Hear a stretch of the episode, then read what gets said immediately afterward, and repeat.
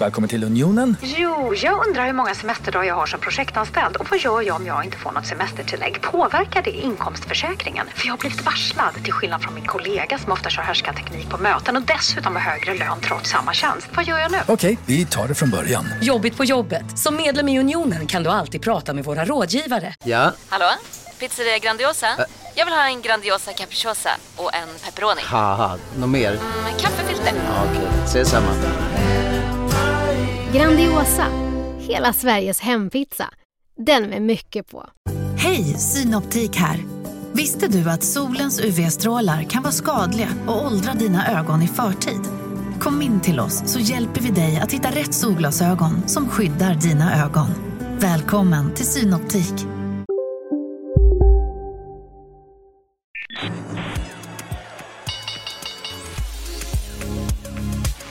Det här är Affärsvärlden Magasin med Helene Rådstein.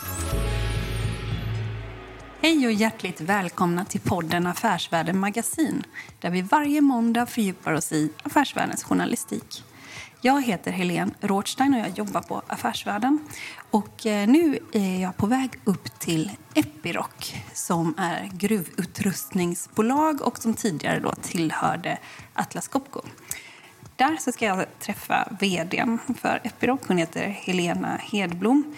Och hon har ju knappast fått en mjukstart för hon började 1 mars 2020. Och det som hon har fått ta tag i hittills det har varit eh, att hantera en pandemi, stängda gruvor och eh, hon har sedan tidigare inlett då ett besparingspaket för Epiroc. Man har ärvt en del kostnader och strukturer från Atlas-tiden. Och det här har man då accelererat under coronaepidemin. Och det är också en hel del varsel, inte minst i Sverige, men också massa omstruktureringar som sker just nu över hela världen. Man kan säga att Epiroc är ett väldigt stort företag. De har 14 000 anställda ungefär och eh, ja, mer än 3 000 i Sverige. Framför allt då i Örebro, det är de flesta. Och eh, här i Sickla så är det deras huvudkontor.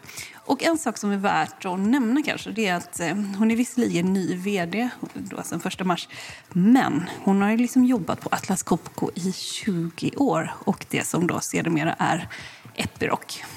Och eh, nu så ser jag när vi tittar in här att det står lite tårtor uppdukade och Eh, det är inte så konstigt. Det är två år sedan, idag faktiskt, som eh, Epiroc noterades på Stockholmsbörsen. Och eh, då var det hennes företrädare då, Per Lindberg, som tidigare kom från Billerud Korsnäs, som ringde i klockan. Jag var faktiskt där och intervjuade honom då. Och eh, man kan säga att på en kapitalmarknadsdag före avknoppningen från Atlas Copco så var det en hel del personer som ifrågasatte varför han skulle bli vd för Epiroc när hon hade så lång erfarenhet från gruvor och hela gruvbranschen. Och svaret till det som man fick då, det var att han hade erfarenhet från att leda börsbolag, vilket hon saknade, även om hon var väldigt... Hon kanske är en av Sveriges ja, främsta gruvexperter, tror jag. Och eh, det är värt att nämna kanske att eh, hennes styrelseordförande det är Ronny Leten som också tidigare då var Atlas Copco vd. Ja, vi går in och kollar. Marknaden sponsras av SPP, pensionsbolaget. Eh, förra gången pratade vi lite om ITP. Och som en kort repetition så, så var det ju 70-tal, arbetsmarknadens parter bestämde att alla tjänstemän ska ha en tjänstepension. Man kom överens om vilka villkor som ska gälla i den här pensionen och så kallade man den för ITP. Så jobbar man idag som tjänsteman i ett företag med kollektivavtal, då har man förmodligen den här pensionen, ITP-pensionen. Eh, och det är så att man kan påverka eh, den här pensionen, hur den är placerad. Vart femte år så gör nämligen Collectum, som de heter, en enorm upphandling där olika pensionsbolag kan ansöka om att få förvalta eh, de här pensionerna. Och SPP är ett av bolagen som valdes ut i den senaste upphandlingen. Och sen kan du som pensionssparare välja eh, vilket av de här olika pensionsbolagen som, som då ska få ta hand om dina pengar. Och tanken med den här upphandlingen är ju att liksom kvalitetssäkra de här olika alternativen, eh, men också att förhandla fram stora rabatter så att pensionsspararna ska få, ja, kunna spara pengar genom att avgifterna eh, som är så viktiga eh, blir eh, lägre. Och vill man välja någonting i ITP-systemet då finns det en relativt ny sajt som heter avtalat.se. Ehm, där kan man gå in och se hur sin ITP-pension är placerad. Jag gjorde det häromdagen faktiskt. Ehm, idén är att hälften av pengarna alltid ligger i något som kallas för traditionell försäkring. Det här gjorde vi ett avsnitt om i podden Kapitalet nyligen eh, som vi kallade världens bästa sparform. kan man lyssna på om man är intresserad. Eh, den andra halvan eh, den kan man också lägga i en traditionell försäkring eller så kan man placera det i något som kallas för fondförsäkring. Ehm, SPP som sagt eh, var ju ett av de fåtal bolagen som valdes ut i den senaste upphandlingen och de finns med som alternativ både med en traditionell försäkring och med eh, fonder. Så det var en liten bakgrund till ITP-systemet. Vill man läsa mer om det här eller typ kolla hur ITP-pensionen är placerad, eh, kanske göra förändringar, då går man in på avtalat.se. Eh, men tack säger jag till SPP som vill göra oss människor mer medvetna om hur enormt viktig pensionen är för oss som en framtida lön, men också som en positiv kraft i samhället eh, och förstås för att ni möjliggör eh, den här podden Marknaden. Du lyssnar på Affärsvärlden Magasin med Helene Rådstein. Kan vi inte gå och kolla på tårtorna? Jo, kan vi inte prata lite om tårtorna? Absolut. Jag, jag, jag, är inte sugen alltså. Nej, du, annars, annars får man väl vara en av dem. Jag testade en, den var väldigt god. Det är ganska, folk har käkat och lite. Folk har käkat, men precis, ändå var vi inte så många här. Vi är ju, de flesta tjänstemännen arbetar ju hemifrån eh, fortfarande. Då. Men vi var, vi var väl en tio stycken ungefär som ändå var här och firade då att eh, vi har ju tvåårsjubileum idag, då, två år sedan vi listades. Mm. Eh, och det har ju varit en, en eh, fantastisk resa. Vi har ju varit med, de flesta av oss har ju varit med ända från och under själva splitten också. Och när vi började liksom från, från ingenting egentligen med, med, med och hela varumärket vi har byggt upp. Och, och, ja, det har varit väldigt spännande år. Mm. Så jag passade på att tacka det lilla teamet som, som, som var här för fina insatser. Så vi, vi försöker, eh, vi har den här typen av firande. Ja, vi har haft det både när vi hade ettårsdagen och även i, i år då, eh, runt om i världen. Även fast det förmodligen sitter, de flesta sitter och äter tårta själva nu. framför en skärm? Ja, precis ja. framför en skärm. Ja. Idag så är det alltså på dagen två år mm. sedan som ni eh, börsnoterades på Stockholmsbörsen 18 juni 2018.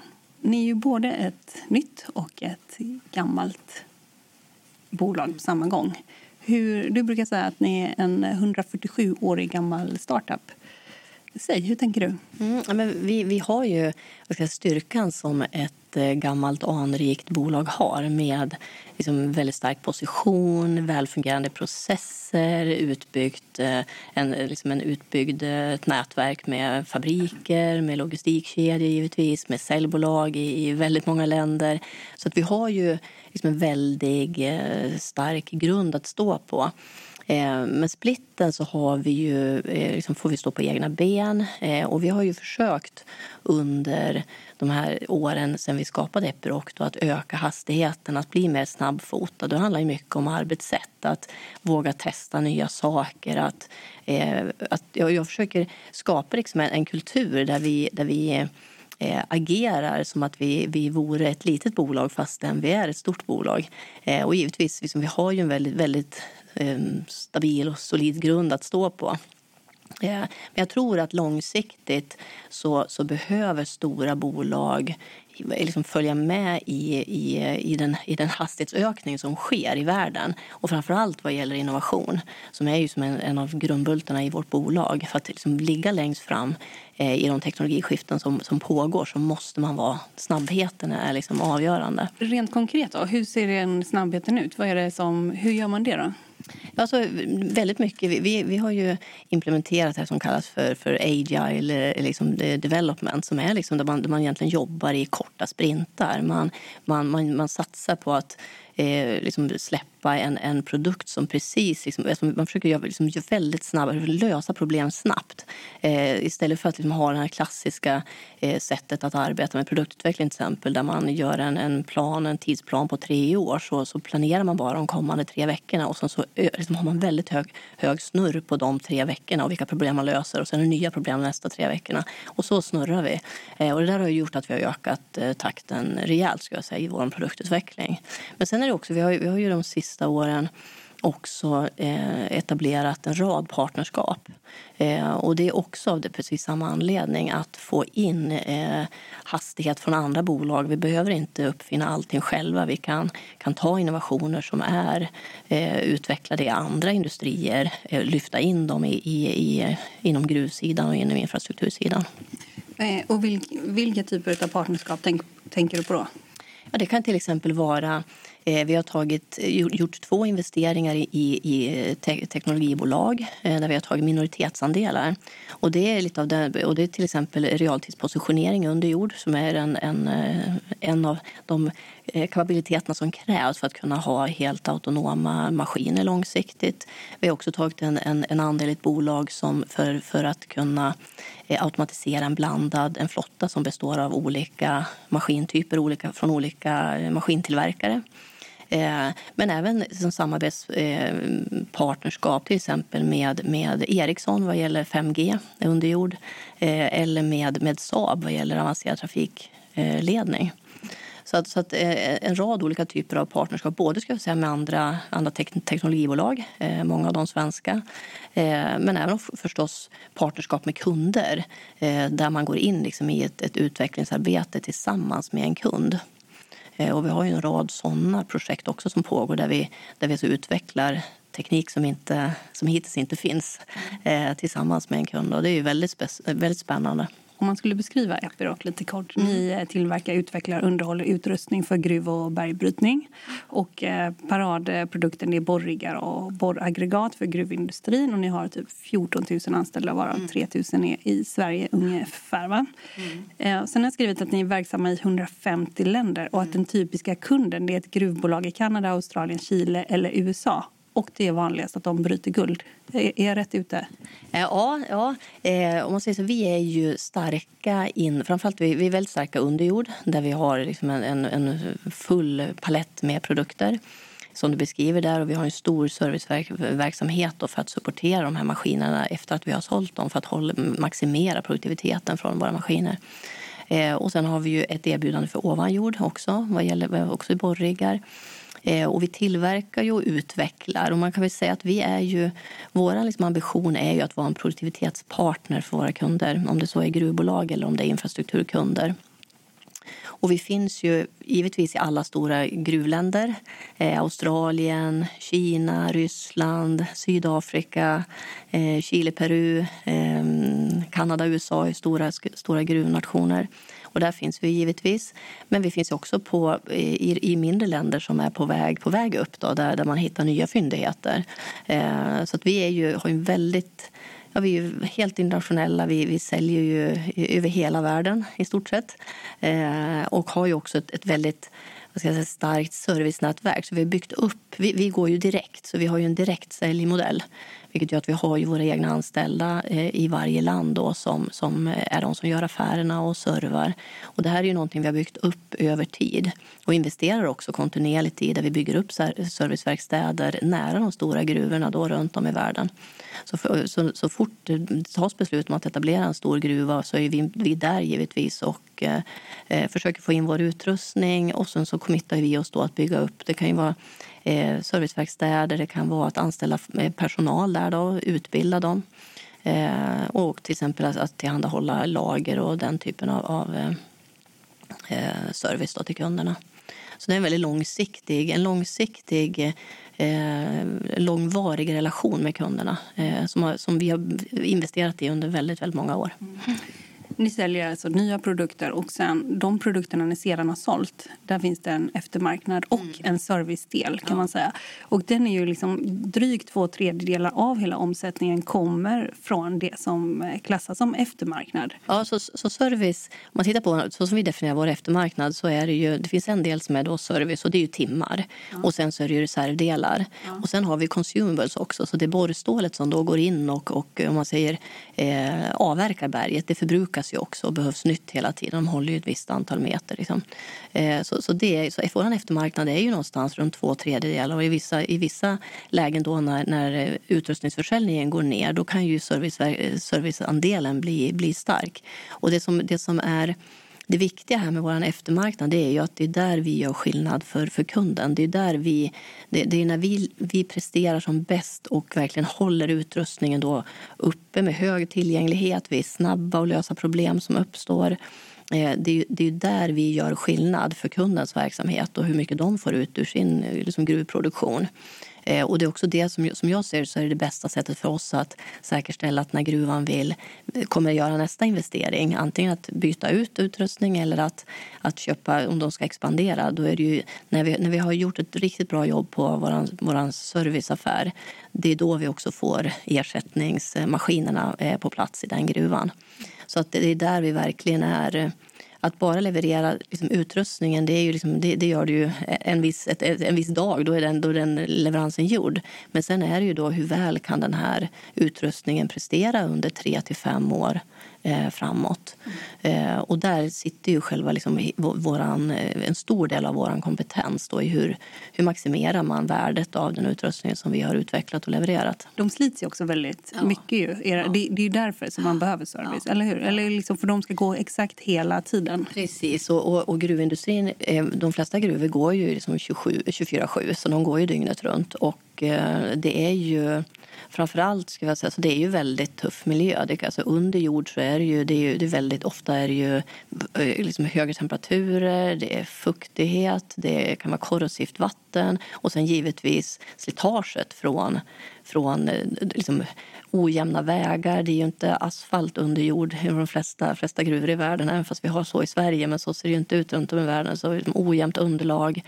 Eh, det kan vara vatten. Eh, så, så det, det, är en, en tuff miljö. Eh, de utsätts för, för stora belastningar. Och sen givetvis så sker det ju liksom, eh, stenar ramlar ner och det blir, det blir liksom ett, ett sånt slitage också. Så, att, så att, eh, det är en tuff miljö. Och vi, vi har ju framförallt, du nämnde att vi säljer mycket till guld och det gör vi ju. Så det är ju framförallt hårda formationer. Det är där vi, vi har vår, vår, våra produkter och vårt erbjudande. och det är framförallt guld och det är koppar koppar, det är järn, eh, nickel, zink eh, till exempel och silver. Du lyssnar på Affärsvärlden Magasin med Helene Rådstein. Kina var ju ett land nu när coronakrisen kom som ni märkte ganska tidigt att ni fick, eh, där slog orderingången till mm. ganska snabbt. Berätta, när fattade du att det här är liksom allvarligt läge med coronakrisen? Alltså det var ganska tidigt tycker jag. För att vi, vi, vi följer ju förstås utvecklingen då i, i Kina. Och, och, som du sa, vi, vi, vi blev ju också drabbade då givetvis av, av den här nedstängningen. Då vi fick lov att stänga vår fabrik där under några veckor direkt, direkt efter kinesiska nyåret.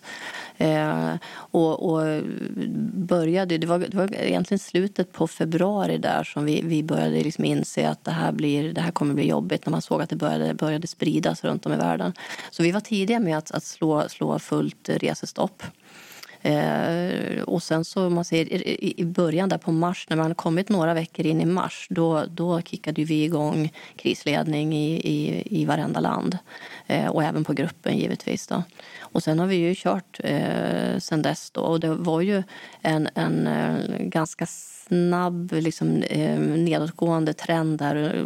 Om man ser i, i, det kom mer och mer negativa eh, beslut och, och, och, nyheter egentligen varje vecka med fler och fler länder som införde större och större restriktioner just vad gäller rörlighet inom länder men även stängda gränser givetvis. Vissa länder i, i fullständig nedstängning. Både Indien och Sydafrika, delar av Kanada till exempel. Eh, stora gruvnationer. Stora gruvnationer. Som, som, eh, och, och, och det man, det man Eh, eh, men men det, det, det, det, började, det gick ganska snabbt. Liksom. Jag tror att det, var, det är ju regeringar och bolag givetvis som försöker få armarna runt och försöker hitta ett sätt att, eh, att säkerställa liksom hälsan hos de, de, de människor som bor i landet och de anställda.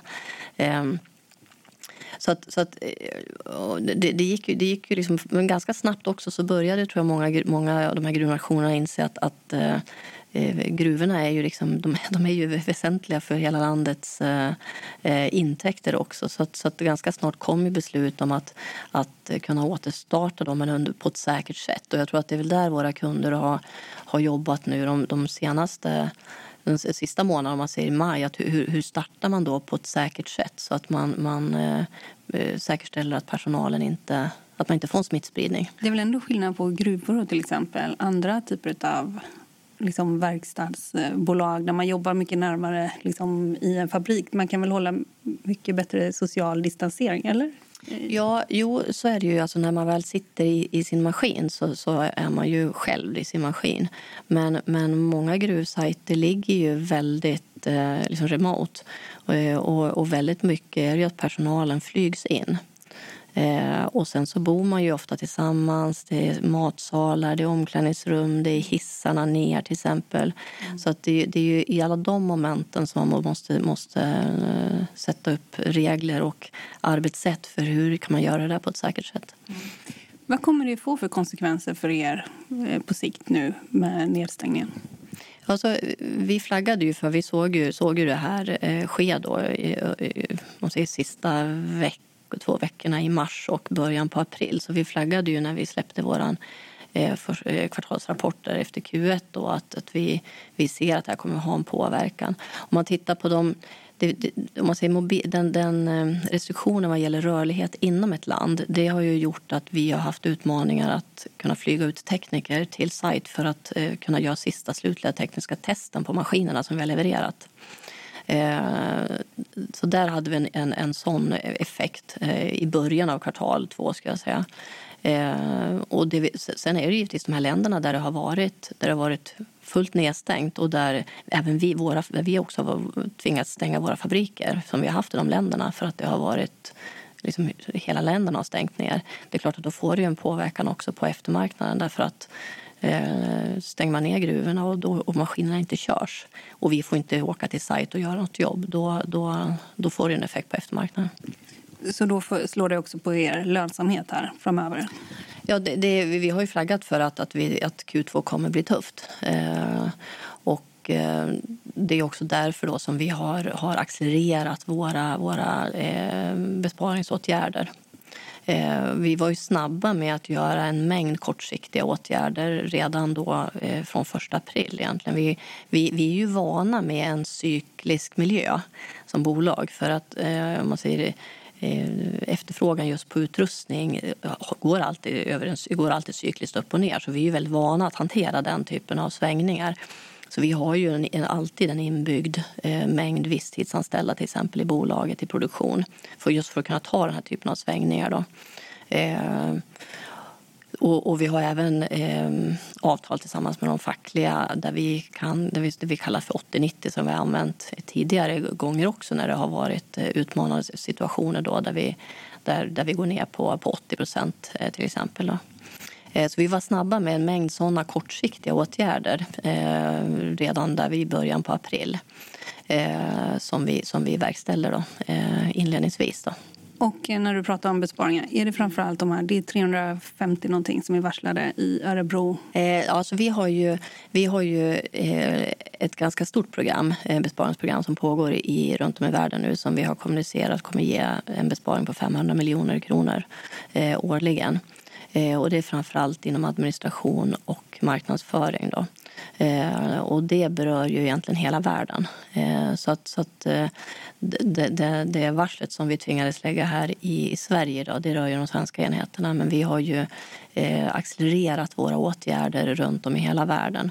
Så att eh, det innefattar också stängning av två fabriker eh, som vi också har kommunicerat nu under, under Q2. Det är en fabrik i Bagnolo i Italien eh, där vi tillverkar eh, utrustning för dimensionsstenindustrin. Och den kommer flyttas till Indien, till en av våra fabriker där. Och så är det stängning av en fabrik i North Bay i Kanada som kommer flyttas upp till Montreal. Vi har två fabriker i, i, i Kanada.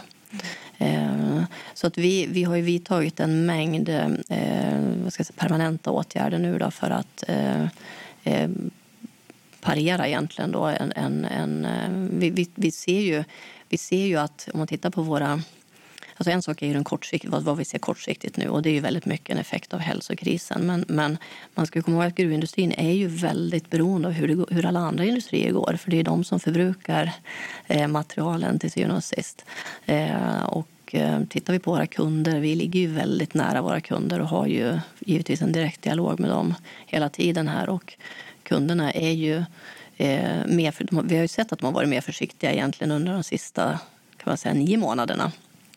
Eh, just vad gäller utrustningssidan.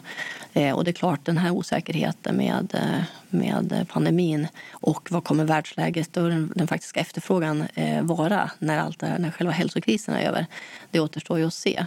Men det har ju gjort att, att de stora gruvbolagen har ju kommunicerat att de kommer att dra ner på sin investeringsbudget. Mm. Och där måste vi vara, vara, vara med då, liksom, givetvis och anpassa, anpassa oss efter det.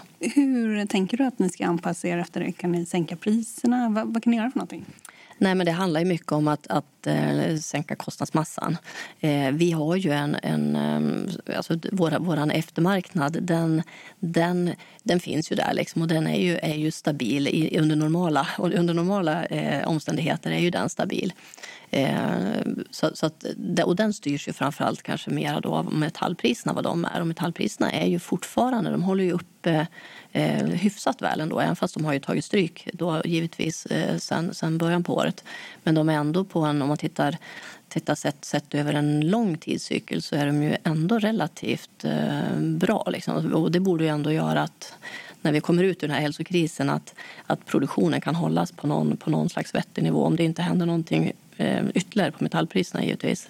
Men sen är det om man tittar på, på om man tittar på de diskussioner vi har med kunderna så är ju hela gruvindustrin är ju inne i, i flera teknologiskiften. Så det handlar ju för oss väldigt mycket om att Eh, få fram de här innovativa lösningarna och fortsätta den resan som vi har påbörjat med så många kunder nu med vad gäller automation och digitalisering och elektrifiering. Eh, det är där vi kan hjälpa kunderna att bli, bli mer kostnadseffektiva och ha en mer säker, säker eh, arbetsmiljö. I den förra, liksom när ni stängde böckerna för fjolåret så såg man att eh, efterfrågan på nya produkter eller liksom, de eh, hade gått ner lite grann. Um, och då sa du att man tar det lite lugnt med, ka med kapitalintensiva investeringar. Och det kommer man väl fortsätta göra nu också framöver kan man tänka sig, eller? Ja, det, det tror jag. Eh, och, och det, är, det är det vi givetvis tar, tar höjd för. Vi tror ju att, att det här som vi har sett med mer, mer försiktighet, att det kommer, kommer fortsätta vara så. så det, det, och det, det, det, vårt sätt då, liksom att, för, för så här har, är det ju alltid liksom, i, i, en, i en cykel upp och ner för, för gruvindustrin. Och, och det, vi, det vi fokuserar på då i, i tider som, som, som, vi, som denna, det är ju då liksom att säkerställa att vi kan växa vår eftermarknad. Eh, och där har vi också produkter så att vi kan ju alltså gå in med serviceprodukter och hjälpa kunderna att göra olika typer av, av eh, uppgraderingar av befintliga maskiner, göra större liksom, eh, ombearbetningar av maskinerna så att för, för att hjälpa dem få upp produktiviteten. Så att vi har den typen av av serviceerbjudande då för att hjälpa kunder att få kunna, kunna maximera sin produktivitet även om man inte just nu då har, har eh, pengar att kunna köpa en ny maskin. Och, och om vi tar digitalisering, elektrifiering och automatisering. Vilken av de här tre trenderna, på många sätt hänger de ihop kan man säga. Men i dessa tider, vilken av de tre eh, trenderna skulle du säga är mest aktuell just nu? Alltså just nu tror jag ju, jag tror att digitalisering och och automation är ju kanske det som just nu när man tänker då på hur kan man ha så få personer som möjligt på sajterna, men då är ju automation och digitaliseringen, det, det, där, är ju, där finns det ju liksom en lösning till, till delar av det problemet. Då. Mm. Eh, jag tror att eh, där ser väl jag att om, om eh, den här liksom krisen kan ju accelerera eh, behovet av den, alltså, liksom aptiten för den typen av teknologi. Den var ju redan, det, hade ju, det har ju redan tagit fart. Ska jag säga. Alltså, vi, vi pratar ju om de här teknologierna med alla gruvbolag och vi har ju, vi har ju en mängd projekt överallt i hela världen nu som, som pågår med, med, på olika nivåer givetvis beroende på förutsättningarna. För, för om man ska säga bara lite om digitalisering så mm. liksom inom eh, gruvindustrin och alltså, det är ju väldigt viktigt. Man, vet, man är långt under jord och sen så, det handlar ju om att skaffa kontroll på arbetsflöden och sådär. Kan du förklara lite grann? Ja, men alltså, eh, om, jag brukar jämföra det med, med den, den lean-transformation som väldigt många bolag gick igenom, alltså andra industrier gick igenom för, för kanske 10-15 år sedan. Det är, det är precis den flödesoptimeringen som, som gruvindustrin är mitt inne i. Så det handlar ju inte längre om att en maskin ska borra snabbare utan det handlar ju om all den, den tidsförlust som finns mellan de olika momenten. Där du först då ska, ska borra, du ska, ska ladda, du ska spränga, du ska ventilera ut gaserna, du ska in, du ska lasta eh, upp på en truck som sen ska, och he, hela det där flödet, att göra det flödet utan att ha eh, realtidsinformation det är ju det svåra, och framförallt under jord där man inte har liksom viss, liksom, du ser inte, inte transparensen, du ser inte vad som sker. Eh, och många gruvor är ju, det är ju stora, stora gruvor. Vi gjorde, gjorde en jämförelse att alltså i längd kan ju en, en gruva vara som vägen mellan Stockholm och Göteborg på, på massa olika nivåer. Då. Eh, och, och, sen så har man då inte så ska man hitta den där trasiga maskinen som står någonstans där. Eh, och när man inte då har den, du har inte positioneringen, du, har inte, du kan inte kommunicera direkt kanske med, med, med maskinen så att du ser att den har stannat. Du tappar väldigt mycket tid. Eh, och det är ju här digitalisering spelar är ju en nyckel. Och det är klart, du måste, du måste upp med nätverk under jord. Du måste uppkop ha uppkopplade maskiner, vilket vi håller på med nu. Då. Du måste ha liksom, positioneringslösningar så att du kan se i realtid vad, vad människor är och vad är maskiner. Um, och sen så är det ju då givetvis, det, det handlar ju om att se avvikelser mot plan. Om du har liksom en produktionsplan, det här var planen, i realtid så blev det så här efter timme ett. Okej, vad gör man då som, som, som arbetsledning eh, för att inte tappa mer tid när någonting har hänt? Eh, hur skickar man rätt tekniker till rätt maskin till exempel för att laga eh, den maskinen så snabbt som möjligt? Och, eh, och här, var är ni här? Alltså man ska identifiera den här stillastående mm. enheten då till exempel. Hur långt har vi kommit här? Ja, vi har kommit, kommit långt nu tycker jag. Så att vi har ju, vi har ju, eh, finns ja, det uppkoppling? Ja, uppkoppling finns ju på många ställen. Inte överallt, men, men fler och fler gruvbolag gör ju den, den, liksom, de gör den, den, den investeringen. Vi har, alltså, med antalet uppkopplade maskiner ökar ju för varenda månad. Vi har ju, alla maskiner som lämnar fabriken är ju stort sett uppkopplade. Och vi gör också retrofit på existerande flottar. Vi har ungefär 3800 uppkopplade, uppkopplade maskiner idag. Då. Av, av hur många? Eh, av betydligt fler. Då, liksom. men, men det är fortfarande det, det börjar bli en, en liksom väsentlig... Det börjar bli så många så att man kan... Liksom, det är ett statistiskt underlag.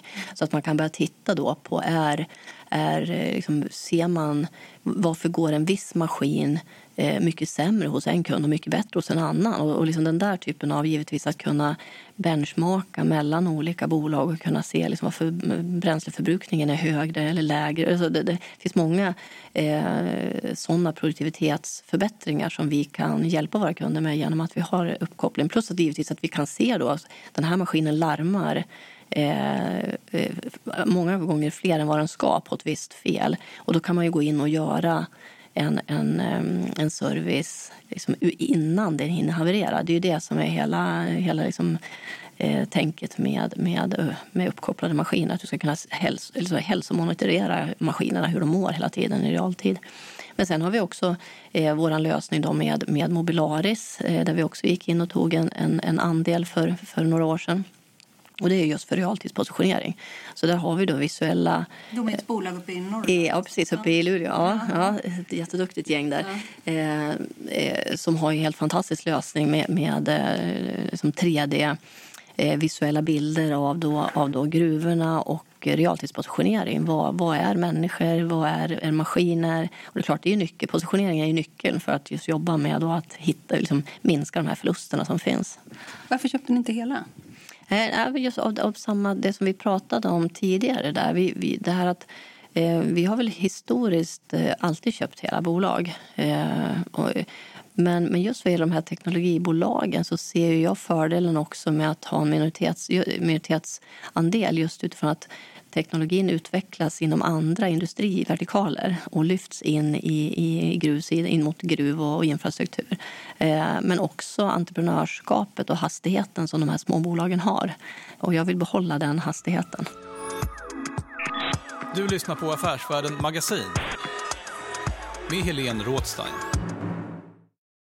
Eh, marknaden sponsras av Karla. Eh, vi pratar ju en hel del om bilar här på kontoret. Eh, karla har ju skapat, skulle jag säga, det som är standarden för hur man idag köper och säljer bilar på nätet. Kort bakgrund bara. Karla säljer och leasar begagnade elbilar och laddhybrider på karla.se. Alltså en helt digital upplevelse. Och man har gjort det här med ett nästan maniskt fokus på vad en bilköpare faktiskt behöver. Jag gjorde ju en intervju med en av grundarna, Patrik Illerstig, i marknaden här eh, ganska nyligen, eh, daterad 25 mars, om man vill lyssna på den. Eh, men där berättar han hur de kom in i det här lite från vänster för att försöka uppfinna hela den här liksom bilköpupplevelsen från början. Och de har idag, vilket är rätt otroligt, 4,8 i betyg eh, på Trustpilot. Jag, jag har sett många företagssidor på Trustpilot, men det här är nog bland eh, det bästa jag någonsin sett faktiskt. Man kan sälja bilen till Karla också. Eh, då går man in på karla.se, delar lite info om bilen, sen får man en gratis värdering och ett bud. De hämtar bilen helt gratis i hela Sverige och så har man pengarna på kontot i samma stund som de hämtar bilen. Det är grymt. Eh, så ska du köpa en ny bil eller sälja din gamla, eller båda delar för den delen, gå in på karla.se och eh, kolla. Alltså karla.se och Karla stavas med C. Tack så mycket till Karla. Med denna då digitalisering, finns det en risk att eh, då slits maskinerna inte lika mycket och på sikt så kan det påverka er eftermarknadsaffär? Nej, det ska jag inte säga. Utan det, det, det kommer göra är att de kommer gå, liksom, de kommer förhoppningsvis gå mer timmar liksom, under, under en kortare tid. Om man säger så. Eh, så att vi, vi har ju inte, alltså det är ju en väldigt om man ser vår eftermarknad är ju kopplad mot hur många timmar maskinerna går. Eh, det finns ju, det finns ju liksom en, en, teknisk livslängd på komponenterna. Och det är som jag sa, det är ju väldigt, väldigt eh, eh, tuff miljö. Utan det är snarare tvärtom. Att, att, när, vi, när vi har datat så kan ju vi, kan ju vi erbjuda kunderna liksom förebyggande underhåll. Eh, att man inte är den som kommer in när det redan har gått sönder utan man kan liksom erbjuda mervärde genom att man kan garantera att den här maskinen kommer hålla en viss tillgänglighet. Och där är ju datat liksom, eh, nyckeln. Så att det blir färre stopp till exempel Precis. i tanken. Ja, Ja. okej. Eh, vad det gäller då, eh, automation. Vad, liksom, om man säger digitalisering är det som eh, den här krisen driver på allra främst skulle Mm. du säga. Och därefter automation. Är det rätt uppfattat? Ja, det tycker jag. Och tittar man på automation så är det ju, det, där handlar det ju, det det är ett ganska brett eh, begrepp om man säger så. Eh, och det är ju allt ifrån att, att börja med att eh, plocka bort operatören ifrån maskinen, köra till remote till exempel. Att du har en station som är då, den kan ju vara liksom 10-15 meter från maskinen och du kör, kör maskinen och du sitter inte i maskinen.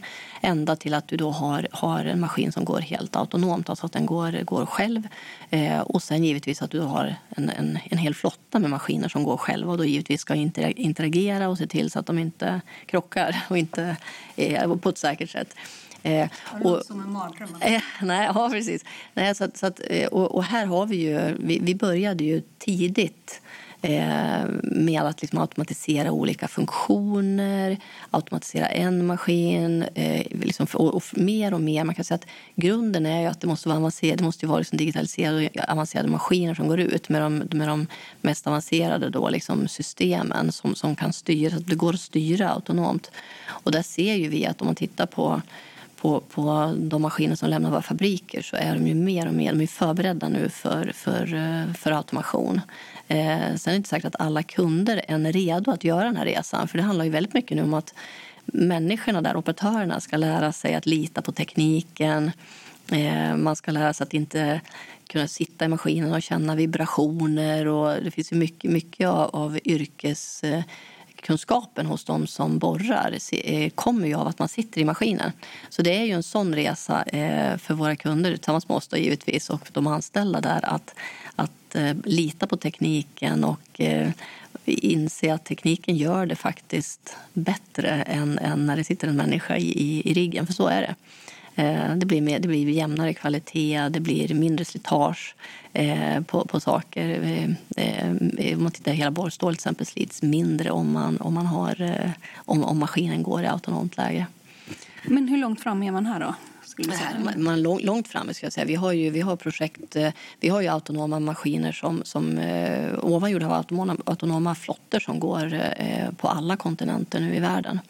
Eh, så det är ju en, en utvecklad produkt som, som eh, vi kan vi kan deploya eller, liksom, eller vi, kan, vi kan föra in på väldigt, väldigt kort tid. Det vi håller på med nu, som att titta på ovan jord, så är det ju att bredda då till att, istället, att det inte bara är eh, liksom autonoma eller riggar utan att det också skulle innefatta då, eh, truckar från, eh, och framförallt från andra maskinleverantörer. Så det håller vi på med ett projekt i, i Australien tillsammans med Roy Hill som är en stor eh, järnmalmsgruva där.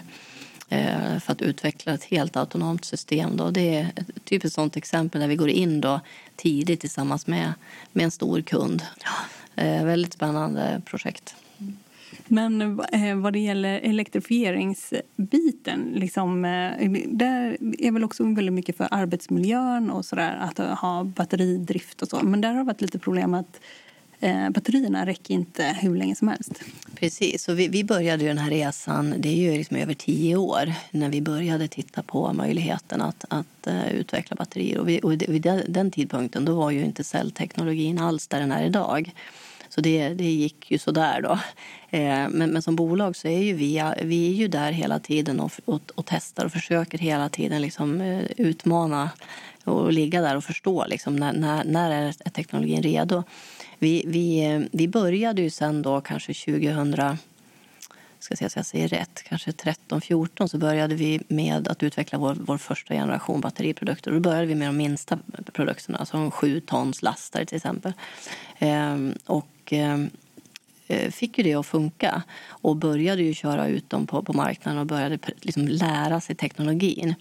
Eh, och sen har ju, sen har ju cellteknologin eh, liksom förbättrats år, år för år. här. Och för ett och ett halvt år sedan så lanserade vi generation 2 då, som är ett, ett eh, batterisystem som har utvecklats tillsammans med Northvolt. Som nu tar, och nu är vi uppe på, på alla liksom mellanstorleksmaskiner. Så vi har liksom 14 tons lastare, 42 tons truckar.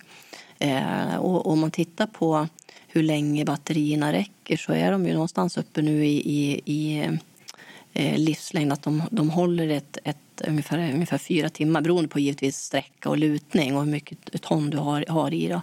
Men, men, eh, men vi ser ju att cellteknologin förbättras ju hela tiden och det här går ju, ganska, det här går ju snabbt.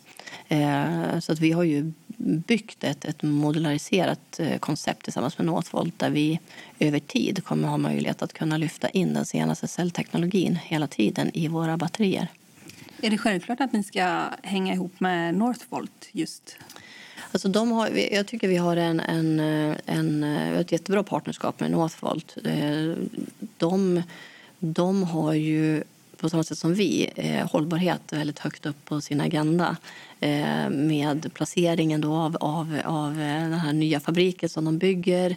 Eh, precis, så kan de använda vattenkraft eh, som en stor del av liksom energiförsörjningen. De har ju ett eh, helt koncept liksom, för hur, hela, hur det här ska kunna bli en cirkulär verksamhet. Där vi då ska, så, att, så att vi har utvecklat en affärsmodell där, där vi äger batterierna eh, och egentligen hyr ut dem till våra kunder. Och sen så tar vi ansvar också för att vi, vi då maximerar livslängden, att vi, vi maximerar användandet av batterierna så att man verkligen har använt dem till, till, till fullo innan de sen då eh, kan, kan eh, återvinnas av Northvolt. Då.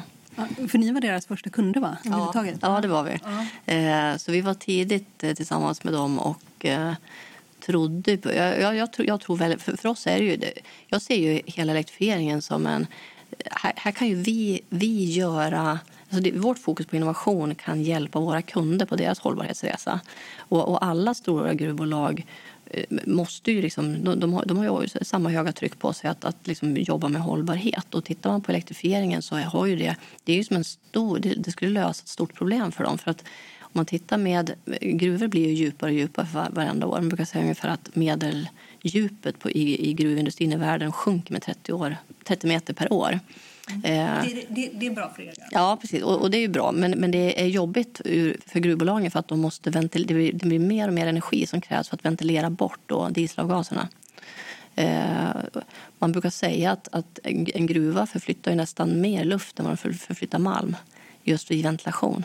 Är det, är det ja, så? ja, har, har ja, ja, ja, men det, det är så. Mm. Och, och, det är klart med djupet och kom, en komplex eh, struktur under, under jord så blir det ju svårare. Så att, och, och där går det ju åt väldigt mycket energi.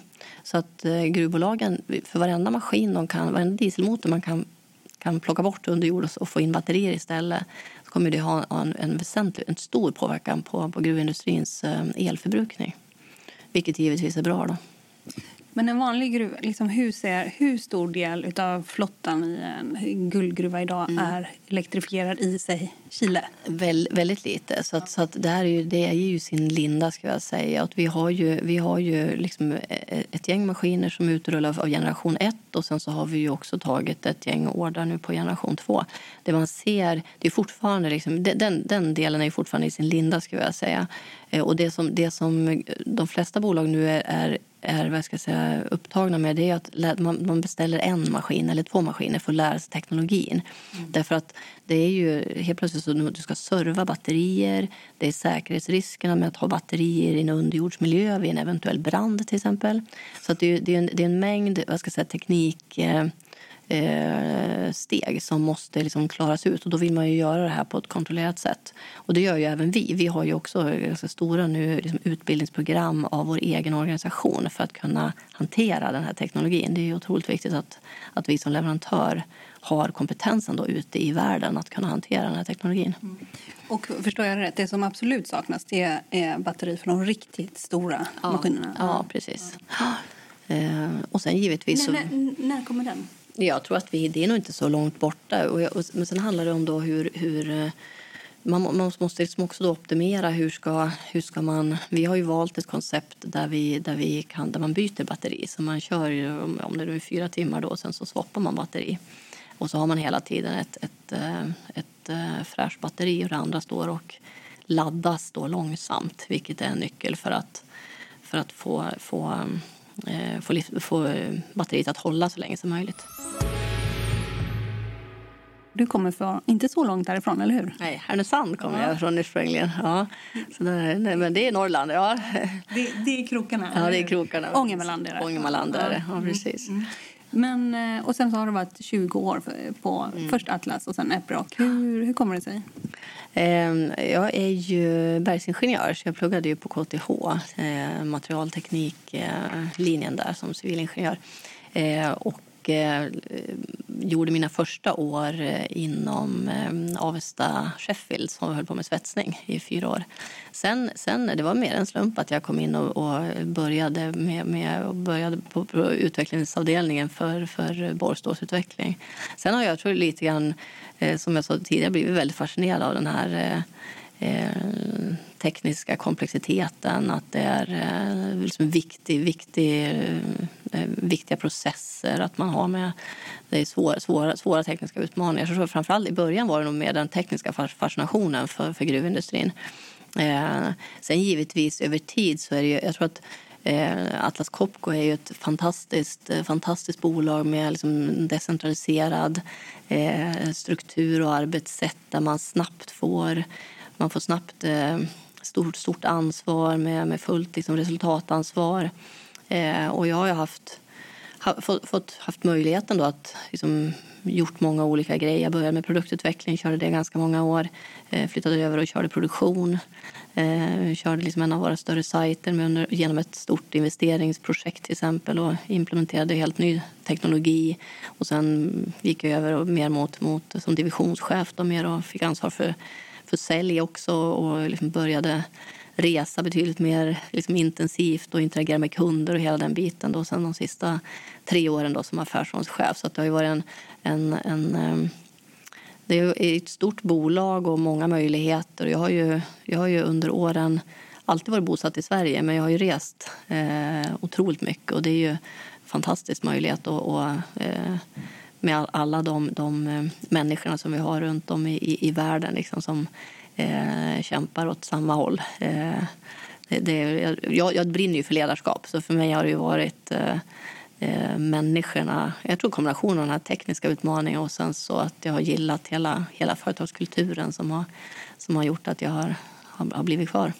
Då har du besökt massa gruvor och så också. Mm. Vilken gruva har liksom lämnat störst intryck på dig?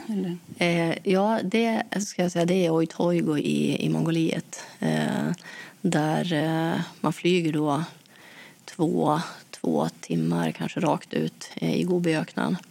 Och där ute är det ju öken och det finns ingenting eh, mer än den här jättestora då, eh, ovanjordsgruvan som nu håller på att etableras till en underjordsgruva Eh, med, med liksom tusentals människor som bor på, på, på, på sajt där. Och det, det, var, det tror jag var det mest, eh, det mest exotiska stället jag har. Eh, och det var minus 25 grader.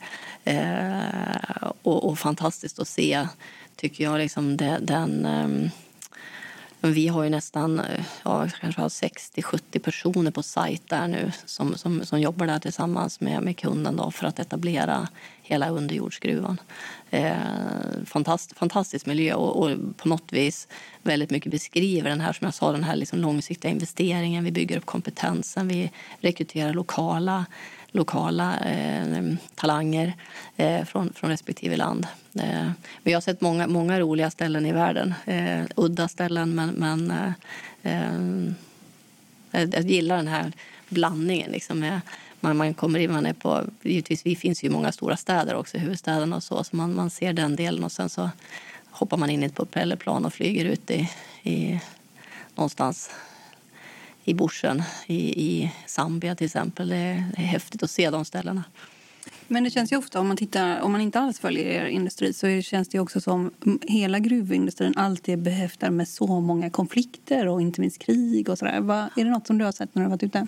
Nej, det tycker jag inte. Jag, det, jag har inte gjort det. Sen är det klart att det är ju, eh, man måste ju vara aktsam. Liksom, på vissa ställen så är det ju mer liksom, oroligt och så.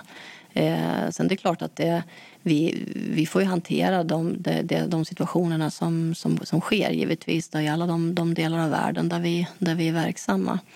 Inte eh. minst arbetsförhållanden verkar, ja. är ett återkommande tema sedan man var liten. Ja. Man. Ja.